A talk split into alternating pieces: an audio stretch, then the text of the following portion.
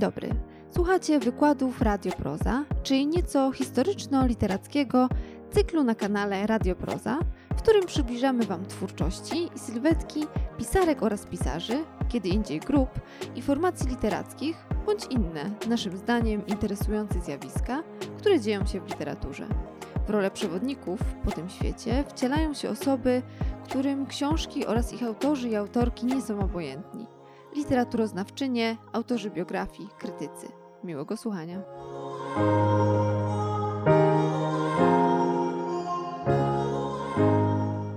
Odcinek pierwszy. Lem według Orlińskiego.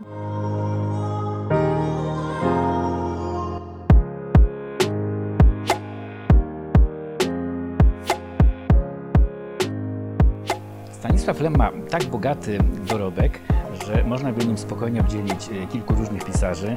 Każdy by pisał wtedy w zupełnie innym stylu, uprawiał inny rodzaj literatury, a jednak każdy byłby wybitny. Ta, ta wielość doprowadziła amerykańskiego pisarza Filipa Dicka e, do napisania słynnego donosu do FBI w 1974 roku, że taka osoba jak Lem nie istnieje, że on nawet miał całkiem sensowną argumentację, że w ogóle to nazwisko brzmi jak jakiś typowy komunistyczny skrót, prawda? Lenin, Engels, Marx, to nawet jakoś tak tutaj pasuje, więc nie ma żadnego lema. Jest y, komitet y, złożony z jakichś wybitnych y, sowieckich intelektualistów, którego zadaniem jest infiltracja amerykańskiej popkultury. Bardzo rozsądna argumentacja. No, nawet sam, sam ilekroć się z tym stykam, to mam ochotę w to uwierzyć. Chociaż niby spotkałem Lema, ale może to był aktor wynajęty przez ten komitet do odgrywania roli Lema. No właśnie tak można argumentować w nieskończoność. Faktem jest, że rzeczywiście to było tak, jakby to było kilku różnych pisarzy, z których najwięcej światowej sławy bez wątpienia zyskał autor poważnych książek science fiction, pełnych refleksji filozoficznej, naukowej, na serio próbujących przewidzieć, jak będzie wyglądała kosmiczna przyszłość. No i tutaj największym bestsellerem z całą pewnością jest Solaris, e, przetłumaczona na mnóstwo języków, przepraszam, teraz nie pamiętam na ile, e, sfilmowana między innymi przez Stevena Soderberga, przez Andrzeja Tarkowskiego, no tam są same gwiazdy, nagrody i tak dalej. E, państwo pewnie to znają, ale jeśli nie znacie, no to bardzo Wam tego zazdroszczę, bo w tej powieści jest jeden z najsłynniejszych, najsłynniejszych, powiem od razu najwybitniejszy zwrot akcji w, w całym gatunku science fiction. Bardzo zazdroszczę wszystkim tym, których dla których jeszcze tego nie znają, więc dla nich ten zwrot akcji będzie zaskakujący, więc jeżeli ktoś z Państwa jeszcze tego nie zna, no to proponuję w ogóle nie kontynuować już tego wykładu, rozłączyć się, żegnam, do widzenia, proszę przeczytać książkę, proszę obejrzeć film i dać się ponieść temu zaskoczeniu. No ja to czytam już teraz po raz kilka, kilkadziesiąt, kilkudziesiąty, to już mnie tak nie zaskakuje jak pierwszy raz, kiedy byłem chłopcem, więc, więc wiem, że to jest wspaniałe uczucie, więc raz jeszcze bardzo Państwu zazdroszczę i polecam. Natomiast Lem, e, teraz kiedy, kiedy, kiedy czytałem jego, jego korespondencję, kiedy, kiedy, kiedy śledzę jego życie, e, okazało się, że pisał tę książkę z bólem, niechętnie, e, pisał o niej swoim przyjaciołom słowami, które mnie naprawdę zaskakują. Między innymi użył takiego określenia moja solaryjska Franca. I tak w ogóle, jak się okazuje, pisał większość tych książek na serio. Tych, które przyniosły najwięcej sławy, on je pisał z największym bólem. Najbardziej mu się to nie podobało, nie miał natchnienia. Przeważnie w praktyce pisał je dlatego, że, że inaczej musiał musiałby zwrócić zaliczkę. Niby bardzo przyziemna motywacja, ale w gruncie rzeczy Dostojewski y, właściwie przez całe życie nie znał innej, więc, więc, więc wygląda na to, że tak powstają najwybitniejsze arcydzieła literatury.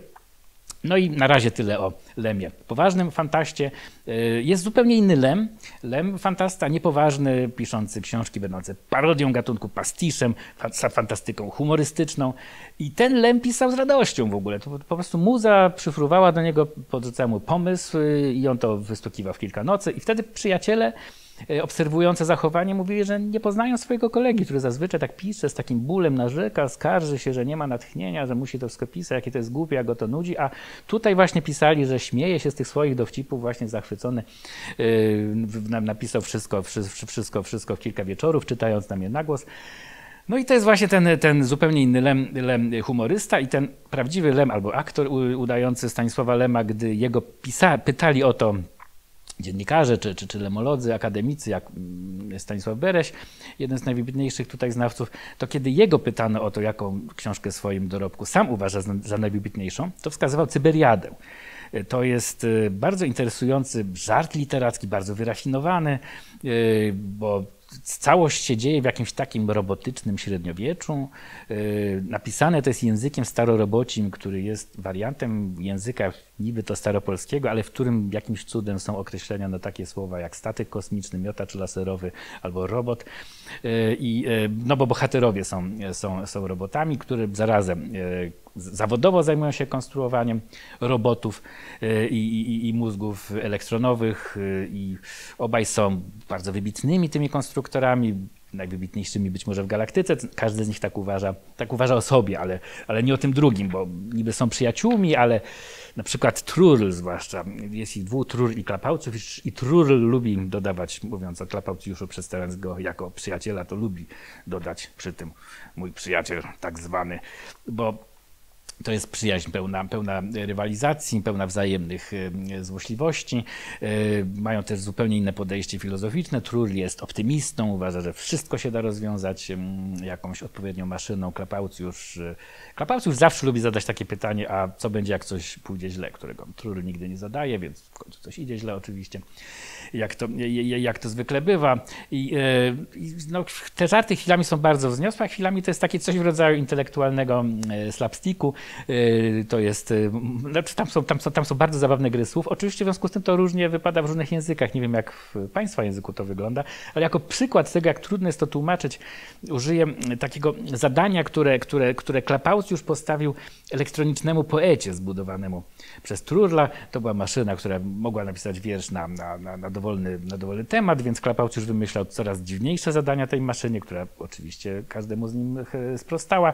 No jedno z tych zadań brzmiało tak. Klapauciusz zażądał, żeby maszyna napisała wiersz o cyberotyce. Żeby tam było najwyżej sześć linijek, a w nich o miłości i o zdradzie i o muzyce, o murzynach, o wyższych sferach, o nieszczęściu, o kazirodztwie, do Rymu i żeby wszystkie słowa były na literę C. Nie będę Państwu czytał samego tego wiersza. Oczywiście nie trudno się domyślić, że w różnych językach, e, nie, nie we wszystkich językach to, to, to, to zadanie da się w ogóle spełnić, ale dobra wiadomość jest taka, że istnieje angielski przekład Michaela Kandla, który jest e, powszechnie uważany za kongenialny. Tak uważał również Sablem, więc Kandel z tego wybrnął. Jest znakomity angielski przekład tego wiersza, aczkolwiek żeby w ogóle móc to zrobić, Kandel musiał zmienić jeden warunek, że wszystko jest na literę S, a nie na literę C. No jest o tym taka anegdota, którą mi e, opowiadał, że, że urządzono w, w Polsce zjazd y, tłumaczy Lema jeszcze, jeszcze za życia mistrza. No i kolejni tłumacze właśnie właśnie y, musieli opowiedzieć, jak wybrnęli konkretnie z tego zadania, jak sobie poradzili z tym wierszem. No i wstawali i mówili, no i Kandel właśnie mówi, że, że, że, że, trochę się tego wstydził, że musiał zmienić tą literę, to to już nie jest takie, takie idealne tłumaczenie. No ale powiedział właśnie, że w języku angielskim jest po prostu za, za mało dobrych słów zaczynających się na C. No ale po nim stał tłumacz japoński i tłumacz japoński mówi, u nas w ogóle nie ma pierwszej litery w, w, w waszym rozumieniu. Więc więc w różnych językach jest tym różnie. Nie wiem, jakie, nie, nie, nie, są Państwa, ale w najgorszym wypadku możecie, możecie mam nadzieję, sięgnąć przynajmniej, przynajmniej po, po przekład angielski. Natomiast Cyberiadę warto czytać nie tylko dla tych dowcipów. Ona ma pewne przesłanie, które jest ponadczasowe, było bardzo ważne w czasach, w czasach Lema, w czasach, kiedy to pisał, ale jest strasznie ważne również w naszych. Bowiem e, przy tych wszystkich żartach Cyberiada jednocześnie jest bardzo grubo szczytą, bardzo grubą aluzją polityczną, ponieważ zazwyczaj jakoś tak się składa w tym robocim średniowieczu, że ci królowie którzy, to zazwyczaj oni zamawiają od króla i klapałcjusza różne jakieś machiny, yy, no ci królowie są tyranami, yy, posługują się tajną policją polityczną, mają podsłuchy, mają cenzurę. Właściwie bardzo wyraźnie widać, yy, kogo konkretnie Lem tu miał na myśli. I to wszystko razem jest no, żartobliwa, ale smutna, ale zazwyczaj z optymistycznym zakończeniem. Opowieść o intelektualistach w ustroju totalitarnym, którzy no wszystko, co mają wobec tej tajnej policji, wobec tej potęgi, wobec aparatu przymusu, to mają tylko tą swoją inteligencję, swoje poczucie humoru, swoją wiedzę, swoje książki, ale więc z jednej strony są bezradni, ale z drugiej strony tam jest zawsze taka optymistyczna puenta, że jednak e, pozornie w beznadziejnej sytuacji jednak e, jednak potrafią przy pomocy tych swoich intelektualnych forteli wygrać z tą, z tą złą władzą. I dla mnie osobiście no, byłem tym zachwycony, kiedy, kiedy zobaczyłem w Polsce upadek komunizmu, bo wydawało mi się, że właśnie Cyberiada się po prostu wydarzyła na, na, na moich oczach po prostu, że, że, że, że opozycja demokratyczna, pozornie bez, bezradna, bezbronna jednak, jednak wygrała. No i w dzisiejszych czasach jednak jednak jesteśmy jakoś w podobnej sytuacji. To znaczy mamy takie, zadajemy sobie podobne pytania. No nie wiem znowu, jakie są państwa w kraju, ale No w różnych krajach sobie zadajemy to pytanie teraz, co ma zrobić człowiek, kiedy, kiedy jego władza wyrodnieje w, w tyranie? I co ma zrobić e, lekarz, prawnik, sędzia, policjant, nauczyciel, wykładowca, akademicki, dziennikarz? E, co ma robić, kiedy czuje, że te naciski cenzorskie, czy, czy, czy jakieś inne formy, jakieś inne formy wpływania, wpływania na niego no, uniemożliwiają mu rzetelne prowadzenie tego zawodu zgodnie z regułami sztuki? To jest pytanie, które sobie przez prawie każdym opowiadaniu przed nimi stają Trur i Klapaucjusz. Y, no i y, jest taka jedna porada, która, która wychodzi z Cyperiady, także może, nie, nie wiem, czy u Państwa w kraju się zastosuje, ale w naszym kurczę wydaje mi się, że to jest, że to jest całkiem na miejscu. Otóż Trur i Klapaucjusz, jak już mówiłem na początku, wszystkim się różnią w filozofii. Znaczy są, po prostu mają zupełnie inne podejście do życia, zupełnie inną wizję świata. Zaciekle się kłócą. Nie, nie są jednością w, w takim znaczeniu, żeby, żeby, żeby mówili jednym głosem. Mówią zupełnie innym. Ale Ilekroć jakiś tyran im daje taką sytuację, a co często stają przed takim wyborem, że jeden z was przeżyje, jeżeli zdradzi przyjaciela. To znaczy, że, że, że, że jeden z was wyjdzie, wyjdzie, wyjdzie cały z jakiejś opresji, którą na nich zostawili ci tyrani. Najprostsza opresja oczywiście zazwyczaj na nich, jako, jako, jako, jak, na, na, pułapka, w jaką ich wciągają ci tyrani, no po prostu polega na tym, że oni nie chcą im zapłacić za, za wykonaną usługę. No bo właściwie po co płacić za usługę, jeżeli można kogoś po prostu wtrącić do lochu, prawda? To, to jest bardzo, mm, tyran no, z definicji, skoro jest tyranem, może robić takie rzeczy. No więc Trul i Klapałców zawsze na taką ofertę mówią nie, albo wyjdziemy z tego obaj, albo żaden, albo obaj zginiemy. Więc y, i Klapałców są po prostu, no przepraszam, że użyję tego słowa, ale solidarni y, wobec jednego i drugiego. I to jest całkiem interesujące moim zdaniem przesłanie przesłanie na dzisiejsze czasy właśnie, jak, jak być w znaczy jak się zachowywać w obliczu tyranii. Nie ma co udawać, że jesteśmy jednością jako na przykład opozycja, no bo nie jesteśmy. Ale to nie znaczy, to nie znaczy, że właśnie nie możemy być wobec siebie solidarni. Tak, tak, tak przynajmniej ja bym zrozumiał to przesłanie, ale no, polecam, polecam lekturę. Więc jak Państwo widzą e, ten, ten, ten, ten, ten e, Lem Fantasta, e, lem, lem, lem ironista, lem humorysta, też jednak nie uciekał od, od, bardzo poważnych tematów. Tam centralnym takim tematem, również w tych jego satyrycznych opowiadaniach, jest, jest wolność jednostki. Są takie bardzo, bardzo tutaj poważne zagadnienia. No i y, wygląda na to, że wśród wszystkich pisarzy bloku, bloku komunistycznego Lem był pierwszym, który wpadł zaraz, zaraz, zaraz po śmierci Stalina, zaraz po na taki pomysł, w jaki sposób y, pisarz y, może przechytrzyć cenzora. Właściwie to nie było przechytrzenie, no bo cenzura po prostu zmieniała już wtedy zasady działania, ale właściwie to zrobił, to zrobił w jednej ze swoich powieści jeszcze pisanych na serio pod tytułem Eden, e, w której ziemscy astronauci rozbijają się na jakiejś planecie, na której badają tą cywilizację, no i okazuje się, że ta cywilizacja to jest jakiś taki holokaust pomieszany z gułagiem. Tam przeprowadzono jakiś eksperyment społeczny mający stworzyć doskonałe społeczeństwo, doskonały ustrój, no i to właśnie zwyradniało w Tyranie. W Tyranie, tylko tym razem już, już, już na serio. Tam E, nie, nie ma takich, takich wyrafinowanych żartów, natomiast e, jak ktoś zna wojenne przeżycia Lema okupacyjne, to tam okazuje się, że tam jest bardzo dużo szczegółów, bardzo przypominających wojenny Lwów na tej, na tej, obcej, na tej obcej planecie. No i, e, no i oczywiście no przede, wszystkim, przede wszystkim mamy tam, mamy tam coś, co no niepokojąco no przypomina oczywiście zbrodnie Hitlera, ale także zbrodnie, zbrodnie Stalina, rzeczy, o których e, for, mówić wprost e, nie było wolno w, w, w, komunistycznej Polsce, nawet w okresie odwilży, bo niby potępiono tego Stalina, ale no nie można było mówić, że, że, że, że że cały ten ustrój po prostu od samego początku jest oparty na niezbyt udanym pomyśle, niezbyt udanych założeniach. I e, Lem odkrył, że wystarczy to wszystko myśleć na innej planecie. I wtedy cenzor nagle znajduje się w sytuacji, e, w której nawet jak on zobaczy tą aluzję, to w jego dobrze pojętym interesie jest to, żeby udawać, że jej nie zauważył. No bo, no bo jak to będzie dalej wyglądało? Że, że, że ten cenzor powie, ja tu widzę, że ta tyrania na tej obcej planecie to jest aluzja wobec naszego świetlanego ustroju. To to pisarz wtedy odpowie, no jak to, towarzyszu cenzorze? Ten zwyrodniały tyran, okrutnik przypomina wam naszego pierwszego sekretarza, a, a, a ten nieudany eksperyment społeczny kojarzy się wam z naszym ustrojem? Towarzyszu cenzorze, ja nie wiem, czy, czy, czy, wam się znudziło wasze stanowisko? Ja nie wiem, czy ja tego nie powinienem zgłosić gdzieś wyżej. Prawda? No, no, oczywiście trochę teraz e, żartuję, nie, ale właśnie całkiem serio tak to wyglądało. To znaczy Lem był Wygląda na to, że pierwszym, y, który to zrobił, pierwszym, o którym mi wiadomo i również na przykład rosyjscy pisarze, którzy, którzy, którzy go uwielbiali, tacy jak bracia Strugacy, no też, też y, jak się czyta ich korespondencję, to, to, to, to, to doceniają tą ten przełom, jaki, jaki wniósł Eden. Później oczywiście robili to również oni, również, również inni pisarze, ale Lem jako pierwszy zauważył właśnie, że fantastyka jest znakomitym wehikułem krytyki społecznej, a ponieważ wybitna literatura zawsze powinna wykraczać poza swoje czasy, to te rozważania Lema na temat właśnie ustrojów totalitarnych y, były, były no, są zdumiewająco aktualne również dzisiaj, kiedy są inne wyznania, wyzwania, inne zagrożenia dla wolności, ale jednak no, pewne sprawy są ponadczasowe wśród robotów, wśród ludzi w latach 60. XX wieku, w latach 20. XXI wieku. Więc y, do dzisiaj moim zdaniem to, to, to, to, to zwłaszcza te, te rozważania się wcale nie zestarzały. No ale płynnie w ten sposób przechodzę już do kolejnego y, lema, zupełnie innego pisarza, pisarza, którym, którym też, y, też był bardzo dumny tutaj ze swoich, ze swoich dokonań, ale to były zupełnie inne dokonania, czyli do eseisty, do pisarza non-fiction.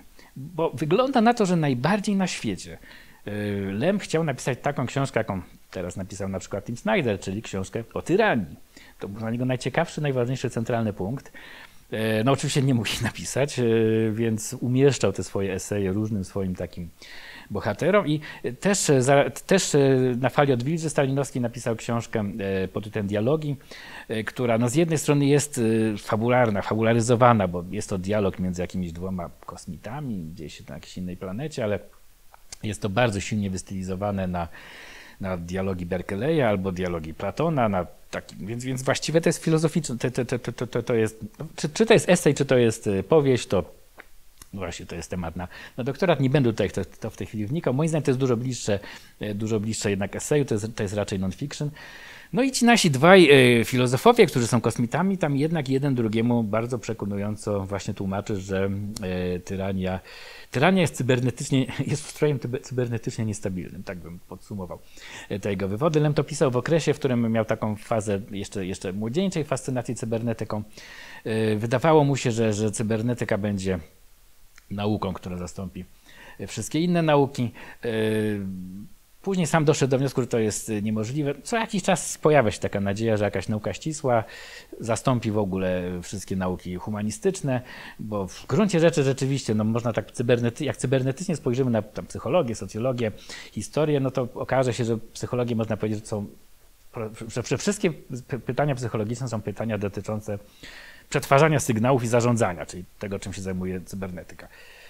Tylko jak głębiej poskrobiemy, to to się okazuje jednak w sumie tautologią i potem i tak mamy pytanie, ale jak są przetwarzane te sygnały, przez kogo, po co i jak to działa, więc wracamy w ogóle do tradycyjnej yy, psychologii. Lem to, więc Lem to też zauważył, że, że, że, że to była naiwna nadzieja, wycofał się z tego i książka, którą zaczął pisać jako kontynuację dialogów, początkowo w ogóle też miała mieć tą formę, że to też ma być rozmowa między dwoma, dwoma yy, filozofami, yy, wycofał się z tego, napisał ją wprost, to jest Suma Technologie i to jest kolejna książka, z której Lem jest y, najbardziej dumny. Y, na, na wiele języków jej w ogóle nie przetłumaczono nigdy, y, nad czym bardzo, nad czym no, ubolewam o, o tyle, że to, jest, to, to była pierwsza polska książka futurologiczna. E, tylko wtedy jeszcze w języku polskim nawet nie, nie było tego słowa, więc, więc księgarze, wydawcy, bibliotekarze początkowo w ogóle nie wiedzieli, co z tym zrobić, jak to. Rek- prawda, w ustroju komunistycznym było coś w rodzaju reklamy, jeśli chodzi o książki, bo jednak były jakieś targi, były jakieś księgarnie, w tych księgarniach były działy, były półki, no i gdzie to postawić? Stawiano to zazwyczaj jednak na półkach z fantastyką, co nie ma sensu, bo to jest po prostu esej e, a nie fantastyka. No i to jest esej na temat e, wyzwań czekających następne pokolenia, a więc już nasze. Y, tam są rozważania. Tam Lemno jako właściwie pierwszy polski myśliciel, pierwszy polski eseista zauważył, że jeszcze no nie za życia jego pokolenia, ale następnych, ludzkość stanie w obliczu, w obliczu na przykład takich pytań jak, jak no to, co dzisiaj nazywam osobliwością na przykład, czyli że, że prawdopodobnie stworzymy maszyny, które już będą tak działały, że nie będziemy rozumieli, jak one działają, to znaczy sztuczną inteligencję, która nie to nawet, wyrwie nam się spod kontroli, po prostu zacznie działać, kierować się e, własnymi regułami. Albo na przykład zostaniemy przed tym, co dzisiaj nazywamy transhumanizmem. To znaczy, że, że pojawią się możliwości modyfikowania ludzkich organizmów albo przez, przez, przez modyfikacje genetyczne, albo przez modyfikacje cybernetyczne, przez wstawianie jakichś implantów. No i czy będziemy mogli pokochać nasze udoskonalone dzieci, skoro one już będą należały do jakiegoś innego gatunku? Tam też Lem rozważał nanotechnologię, no, rozważał net gry komputerowe, zanim w ogóle jakakolwiek powstała. Ubolewam bardzo na tym, że ta książka się nie przyjęła, że napisał ją po polsku, wyszła w Krakowie w roku 1964. Gdyby wyszła po angielsku w Nowym Jorku, no to w ogóle Lema uważalibyśmy za najwybitniejszego myśliciela XX wieku, już tylko za nią w ogóle. Wszystkich innych mógłby nie napisać, po prostu byłby, byłby, byłby no, po prostu najwybitniejszym futurologiem, ale on nawet nie wiedział, że jest futurologiem, kiedy, e, kiedy ją pisał. E, dla niego na początku to miała być książka o, cyber, o popularyzacji cybernetyki. No i gdyby ona się przyjęła, to, to przyjęłoby się tak dużo fajniejszych słów na, na, na, na, na przykład rzeczywistość wirtualna. Jakie to jest okropne określenie. Natomiast Lem miał na to takie ładne słowo fantomatyka. No i dlaczego to się nie przyjęło? No bo on to napisał po polsku. Więc teraz oczywiście nawet jak, nawet jak prze, przełożyć to na, to na, angielski, to już tak trochę jest za późno, no bo, no bo, no bo to już nie są wyzwania, znaczy Lem o tym pisał, są wyzwania, które przyjdą za 60 lat, no przyszły. Więc, to już są teraz nasze wyzwania. Co prawda nadal tam są bardzo interesujące e, pytania i często, często, no często kiedy czytam współczesnych autorów, którzy piszą na temat rzeczywistości wirtualnej albo, albo osobliwości, to mam wrażenie, że oni to ciągle jeszcze nie, nie rozważyli tak wnikliwie, tak ciekawie e, jak, jak Lem. No, ale to jest właśnie taka typowa zgryźliwość i ponurość wielbicieli Stanisława Lema, że bierzemy współczesną literaturę futurologiczną, bierzemy powiedzmy Reja Kurzweila, który jest dla mnie marną imitacją Stanisława Lema, tak bym, tak bym powiedział. No, mam nadzieję, że on, tego, że on tego nie przeczyta. No przepraszam, ale po prostu Lem te same pytania zadawał sobie wcześniej i miał ciekawsze odpowiedzi, no więc, ale, ale, ale napisał to po polsku, więc to jest taka tutaj tutaj e, nasza, na, nasza, nasza, nasza e, ponurość, nasze, nasze rozczarowanie.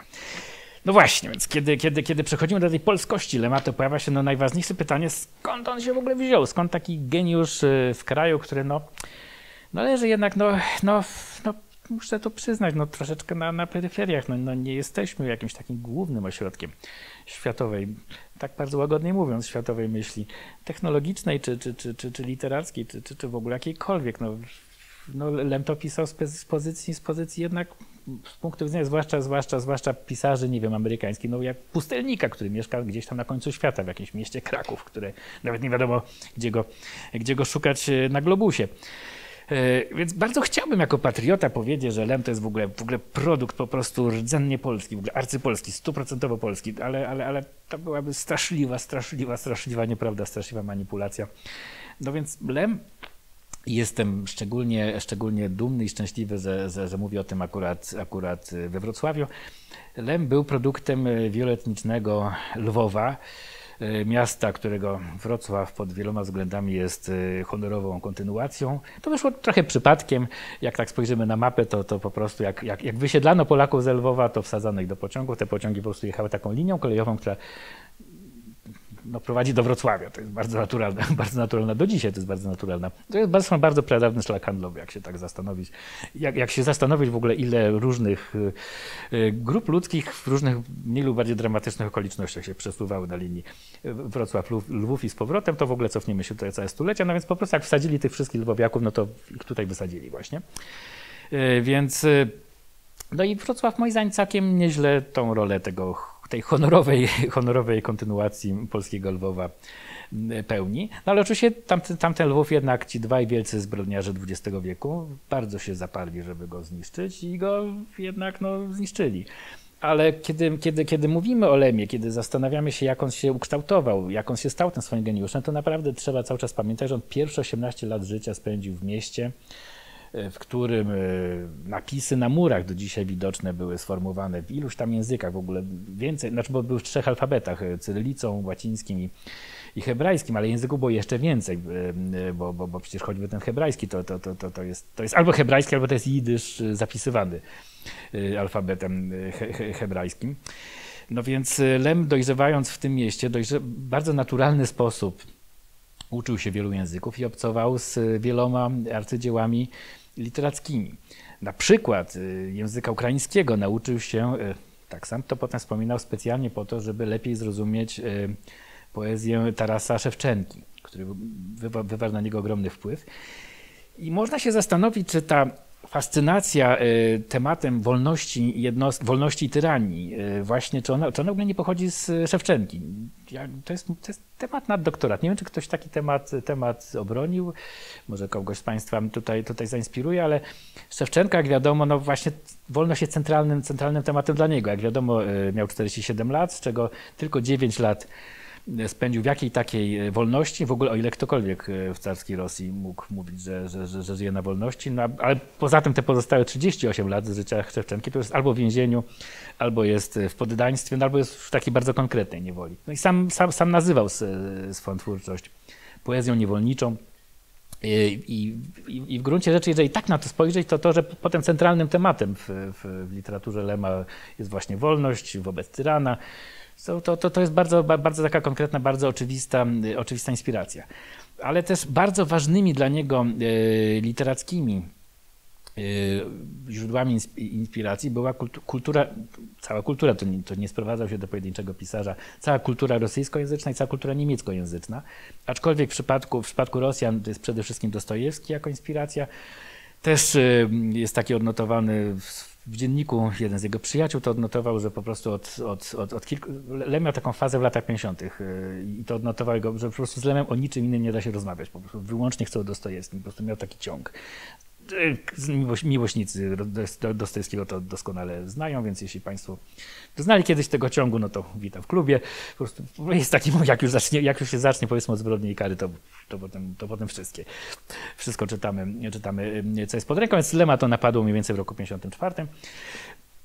Y, tak więc, y, ale oczywiście to nie był jego jedyny, jedyny, jedyny pisarz rosyjski, z którym czytał, uwielbiał rosyjską poezję, y, uwielbiał Puszkina na przykład, ale też bardzo lubił, kiedy do nich, kiedy, kiedy do, do nich albo do was, w zależności od tego, kto, kto tego wykładu słucha, kiedy, kiedy, kiedy pojechał, pojechał do Rosji w latach 60., to, to, to szczególnie go fascynowała twórczość tych tak zwanych, akurat to się tak zbiegło, zbiegło, zbiegło czasowo, sześćdziesiętników, czyli, czyli literatów, którzy debiutowali w Odwilży lat 60., która się okazała, jak to odwilże w naszym rejonie geograficznym krótkotrwałe, więc to jest, to jest tak naprawdę się sprowadza do, do, do kilku nazwisk i kilku bardzo, bardzo głośnych, mm, bardzo głośnych spóźnionych debiutów. W każdym razie Ponieważ część z tego krążyła w, w, odpisach, nie było spisane, więc, więc Lem to zapisywał fonetycznie, bo nie miał maszyny do pisania z cyrylicą, to, trochę śmiesznie się czyta.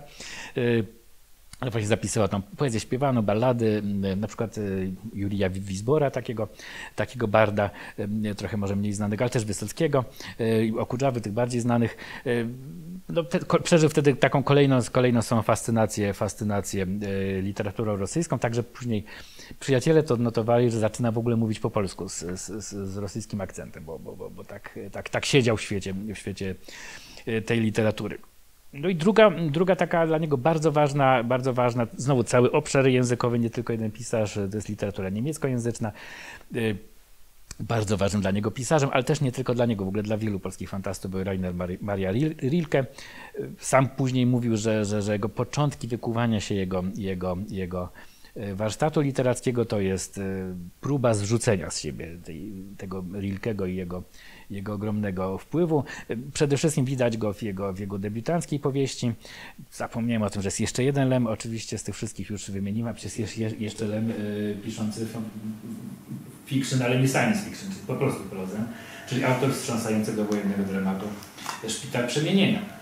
I gdyby, gdyby Lem mógł y, kierować swoim życiem tak jak chciał, to znaczy gdyby nie cenzorskie naciski, to być może pisałby wyłącznie takie książki, nie męczyłby się nigdy z y, pisaniem science fiction na serio ale jako człowiek, który zobaczył na własne oczy II wojnę światową, oczywiście odczuwa na własnej skórze, na własnej skórze różne jej aspekty straszne, y, to, to, to był dla niego najważniejszy temat i, y, i prawdopodobnie chętnie pisałby książki o II wojnie światowej. Tylko tak się wtedy zbiegło, że ten debiut y, zaniósł do wydawnictwa trochę za późno, akurat zaczęło się socjalistyczne przekręcanie śruby w kulturze, więc więc książka, którą, napisał jako pierwszą, ukazała się jako trzecia, czy tam czwarta, w zależności jak liczyć, zbiór opowiadań.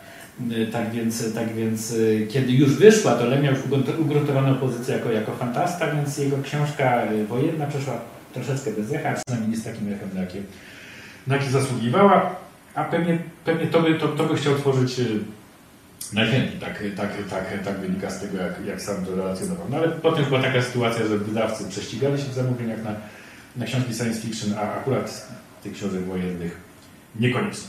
Yy, tak więc i w tej książce bardzo silno widać inspirację Rilkiem, a także Tomaszem Mannem, a konkretnie Czarodziejską Górą. Właściwie tu można powiedzieć, że jest na granicy plagiatu, gdyż też tam mamy, tam mamy głównego bohatera, który jest młodym człowiekiem, który stoi przed wyborem drogi życiowej, no i jego duszę rywalizują różni właśnie starsi tacy mentorzy, jak, jako duszę y, Hansa Kastorpa, więc sam, sam, sam, sam ten kompozycyjny pomysł niewątpliwie, niewątpliwie zaczerpnął z tej inspiracji, aczkolwiek to już są zupełnie inni mentorzy i to jest zupełnie inny, inny młody człowiek, więc nie użyłbym tutaj w ogóle słowa, yy, słowa plagiat, ale, ale, ale, ale niewątpliwie inspiracja. No i to jest ciekawe, że cały czas tutaj mówię o tych wojennych yy, traumach yy, z życia, z życia Stanisława Lema, czyli, przy czym podkreślam, że, że ponieważ Lwów przechodził z tej okupacji właściwie kilkakrotnie, no bo tam najpierw wkroczyli Niemcy, ale ponieważ zgodnie z paktem Ribbentrop-Mołotow należało się, należało się to E, Stalinowi, no to Hitler przekazał wtedy swojemu najlepszemu kumplowi to miasto razem z jego mieszkańcami. No później oczywiście wkroczył znowu i mu zabrał, potem znowu wkroczyli Rosjanie, więc każdy z tych zbrodniarzy miał tam mnóstwo okazji, żeby, żeby no każdy, każdy z tych wkroczeń e, towarzyszyła temu jakaś mniejsza lub większa rzeź, której mniej lub bardziej groziło również Lemowi, że padnie w niej ofiarą mniej lub bardziej, bo w, w, w wyniku tych kolejnych wkroczeń poturbowany, czy nawet okaleczony. E, przez całe życie zmagał się z e, wadą, wadą słuchu, która prawdopodobnie była skutkiem tego, że tuż obok niego eksplodował pocisk podczas, podczas zajmowania Lwowa przez, przez Armię Czerwoną akurat.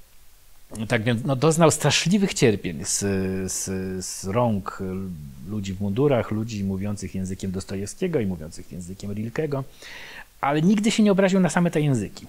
E, I to jest bardzo ciekawe paradoks, na który dla mnie paradoks, może sam Lem nie widział w tym paradoksu, może nie był jego świadomy, ale kiedy ja śledzę jego życie i czytam jego korespondencję i czytam, no, no widzę, że zapraszano go do Stanów Zjednoczonych, zapraszano go do Francji, zapraszano go do różnych krajów i po prostu zawsze odpowiadał takim bardzo lakonicznym nie, nie ma mowy, nadmiar obowiązków, stan zdrowia nie pozwala mi na takie dalekie podróże, ale nigdy nie odrzucał, nie odrzucał zaproszeń do Rosji i do Niemiec. Do Moskwy, do, dla, dla, do Moskwy, do Berlina jechał zawsze, do Nowego Jorku nie chciał. A wiem, kurczę, no ja, ja, bym, ja, bym, ja bym nawet odwrotnie chyba. No, przepraszam, mam nadzieję, że nikogo to nie obraziłem, no ale jak można odrzucić Amerykę po prostu? No. Ale Lem odrzucał. Nigdy tego nie uzasadnił. E, przynajmniej ja nie znalazłem tego uzasadnienia.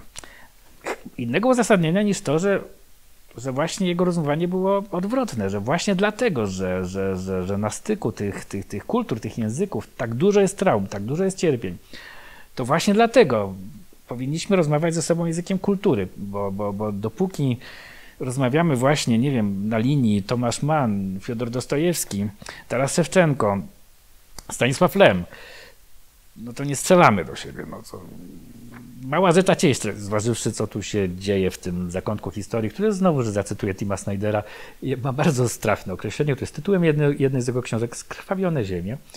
Bloodlands i to jest, no właśnie, to jest, stąd pochodzi z samego serca tych, tych Bloodlands, tych skrwawionych ziem po, po, pochodzi. Stanisław Lem, pisarz dotknięty e, tymi wielkimi traumami i który równocześnie tym kulturom, które z jednej strony no, ich ludzie przez nie ukształtowani go tak strasznie krzywdzili, ale jednocześnie oni go, inni ludzie mówiący tymi samymi językami ukształtowali go jako, jako pisarza, jako filozofa, jako, jako intelektualisty. To jest pełne tutaj paradoksów, ale, ale, ale z kolei dla samego Lema wygląda na to, że to nie był paradoks. Przy czym to nie jest tak, że on był jakiś taki bezkrytyczny, czyli kiedy jechał do Niemców, to nie jest tak, że on im mówił, ach, kocham waszych, w ogóle kocham, kocham, kocham waszych pisarzy, kocham wasze samochody, kocham was wszystkich. Nie, nie, nie mówił tego tak. Był bardzo zgryźliwy, złośliwy. Na przykład, kiedy komplementowano że świetnie mówi po niemiecku, to na to odpowiadał, że no tak, ale moja znajomość jest głównie pasywna, bo podczas okupacji miałem wiele możliwości, żeby szlifować ten język, ale tak głównie pasywnie, bo dużo mogłem słuchać, a niekoniecznie mogę odpowiadać. To na przykład jego autentyczny cytat z jakiegoś, z jakiegoś wywiadu. Oczywiście sąsiadom ze wschodu też potrafił y, przegadać w po, podobnym stylu, no bo wiadomo, że z jednej strony y, z jednej strony Dostojewski, z drugiej niekoniecznie, y, różni inni, mniej troszeczkę sympatyczni przedstawiciele tego samego narodu. Więc to nie jest tak, tak, że zajmował się wyłącznie prawieniem komplementów, ale w ogóle chciał rozmawiać. Natomiast, natomiast Ameryka, którą wymienię tutaj jako ostatnią jego inspirację, też była dla niego bardzo ważnym źródłem inspiracji, ale w ogóle nie chciał tam jechać, w ogóle nie chciał tam, nie chciał tam, e, nie wiem, nie, nie skorzystał z okazji, żeby, żeby jakoś zacieśniać e, kontakty z, z, z amerykańskimi pisarzami, ale oczywiście ta Ameryka była dla niego bardzo ważna, no bo to w końcu Amerykanie wymyślili science fiction i pierwsze takie utwory Lema, jeszcze takie juwenilne, kiedy on właśnie zaczynał, szlifował ten swój warsztat, no, no są, są, są taką trochę, trochę pastiszem, trochę podróbką, yy, no jednak tego, te, tego, tego co wyczytał w, w amerykańskiej fantastyce z, tego, z tej tak zwanej złotej, złotej epoki, czyli, czyli z lat 50. Yy, I to, to, to szczególnie zabawnie widać w, w jego korespondencji z tłumaczem Michaelem Campbellem, że on często rdzennemu Amerykaninowi tłumaczy coś amerykańskim społeczeństwie. I to jest zabawne, że, że, że często Lem właśnie ma rację, bo przez tą swoją odległość, tak obserwuje tą Amerykę, to on często wygląda na to, że ją lepiej rozumie od człowieka, który siedzi w tym Nowym Jorku i to obserwuje z bliska. I to już jest naprawdę dla mnie taka największa zagadka tego wybitnego umysłu, jak to jest możliwe, że on siedząc w Krakowie, siedząc za żelazną kurtyną, e, gdzie trzeba było żebrać, załatwiać różnymi dziwnymi sposobami amerykańskie czasopisma, końcu dostawał do nich ten dostęp, ale przeważnie z opóźnieniem, przeważnie z jakimiś ograniczeniami. No on jednak cały czas trzymał rękę na pulsie i na przykład y, był jednym z pierwszych nie tylko w Polsce, ale w ogóle na świecie y, pisarzy, który zauważył, że Amerykanie tam y, zaczynają montować takie coś, co dzisiaj nazywamy internetem. Bo, pierwszy, bo, znaczy, bo oni, Amerykanie zaczęli, znaczy pierwsze łącze uruchomili jesienią 69. Stanisław Lem ma prozatorskie opowiadanie, którego do tego nawiązuje w roku 1973. I naprawdę, wydaje, znaczy na pewno w Polsce, a, ale wydaje mi się, że także w, w ogóle na świecie jest pierwszym pisarzem, który zauważył, że to jest ważne dla, dla, dla, dla pisarza science fiction. Że, że, że jest jakaś tam inspiracja opowieści o tym, co się może dziać w takiej sieci, jak ona już będzie. E, Tak więc, tak więc, Lem, tak więc Lem no, trzymał, trzymał y, kontakt, trzymał to rękę na pulsie.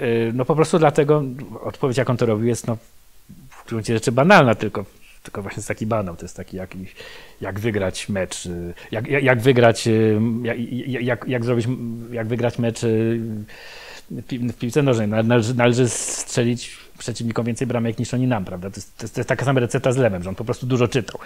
Bardzo dużo, więc on Jego takim rytuałem, kiedy, kiedy, kiedy, kiedy jego życie się ustabilizowało, miał takie swoje ulubione przyjemności, to poza jedzeniem słynnych krakowskich kremówek, y, do jego przyjemności takich dnia należało czytanie International Herald Tribune, czyli, czyli jak y, przez wtedy się nazywało międzynarodowe wydanie New York Timesa, ale ponieważ Lem był y, samoukiem, nauczył się języka angielskiego to jest legenda, którą nie umiem uwierzyć, ale muszę uwierzyć, bo jednak chodzi o Lema i w jego przypadku takie legendy przeważnie są prawdziwe. Nauczył się języka angielskiego w tydzień y, przy pomocy słownika i to po prostu dlatego, że, że, że dowiedział się, że to, ten język jest mu potrzebny, trzeba się nauczyć, więc wziął słownik i tydzień opanował. Ale ponieważ nauczył się sam, nauczył się ze słownikiem, więc nigdy nie nauczył się wymowy, więc jego ulubiony New York Times był dla niego New York Timesem i tak wymawiał wszystkie,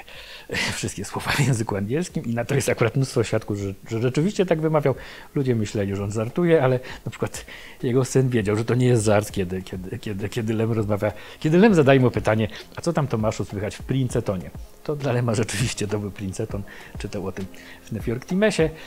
No tak, no, ale więc był to umysł niesłychanie genialny, ale na różne sposoby jego rozwój był stymulowany, ale też hamowany przez te wszystkie inspiracje, ale i ograniczenia związane z tworzeniem w tym zakątku świata.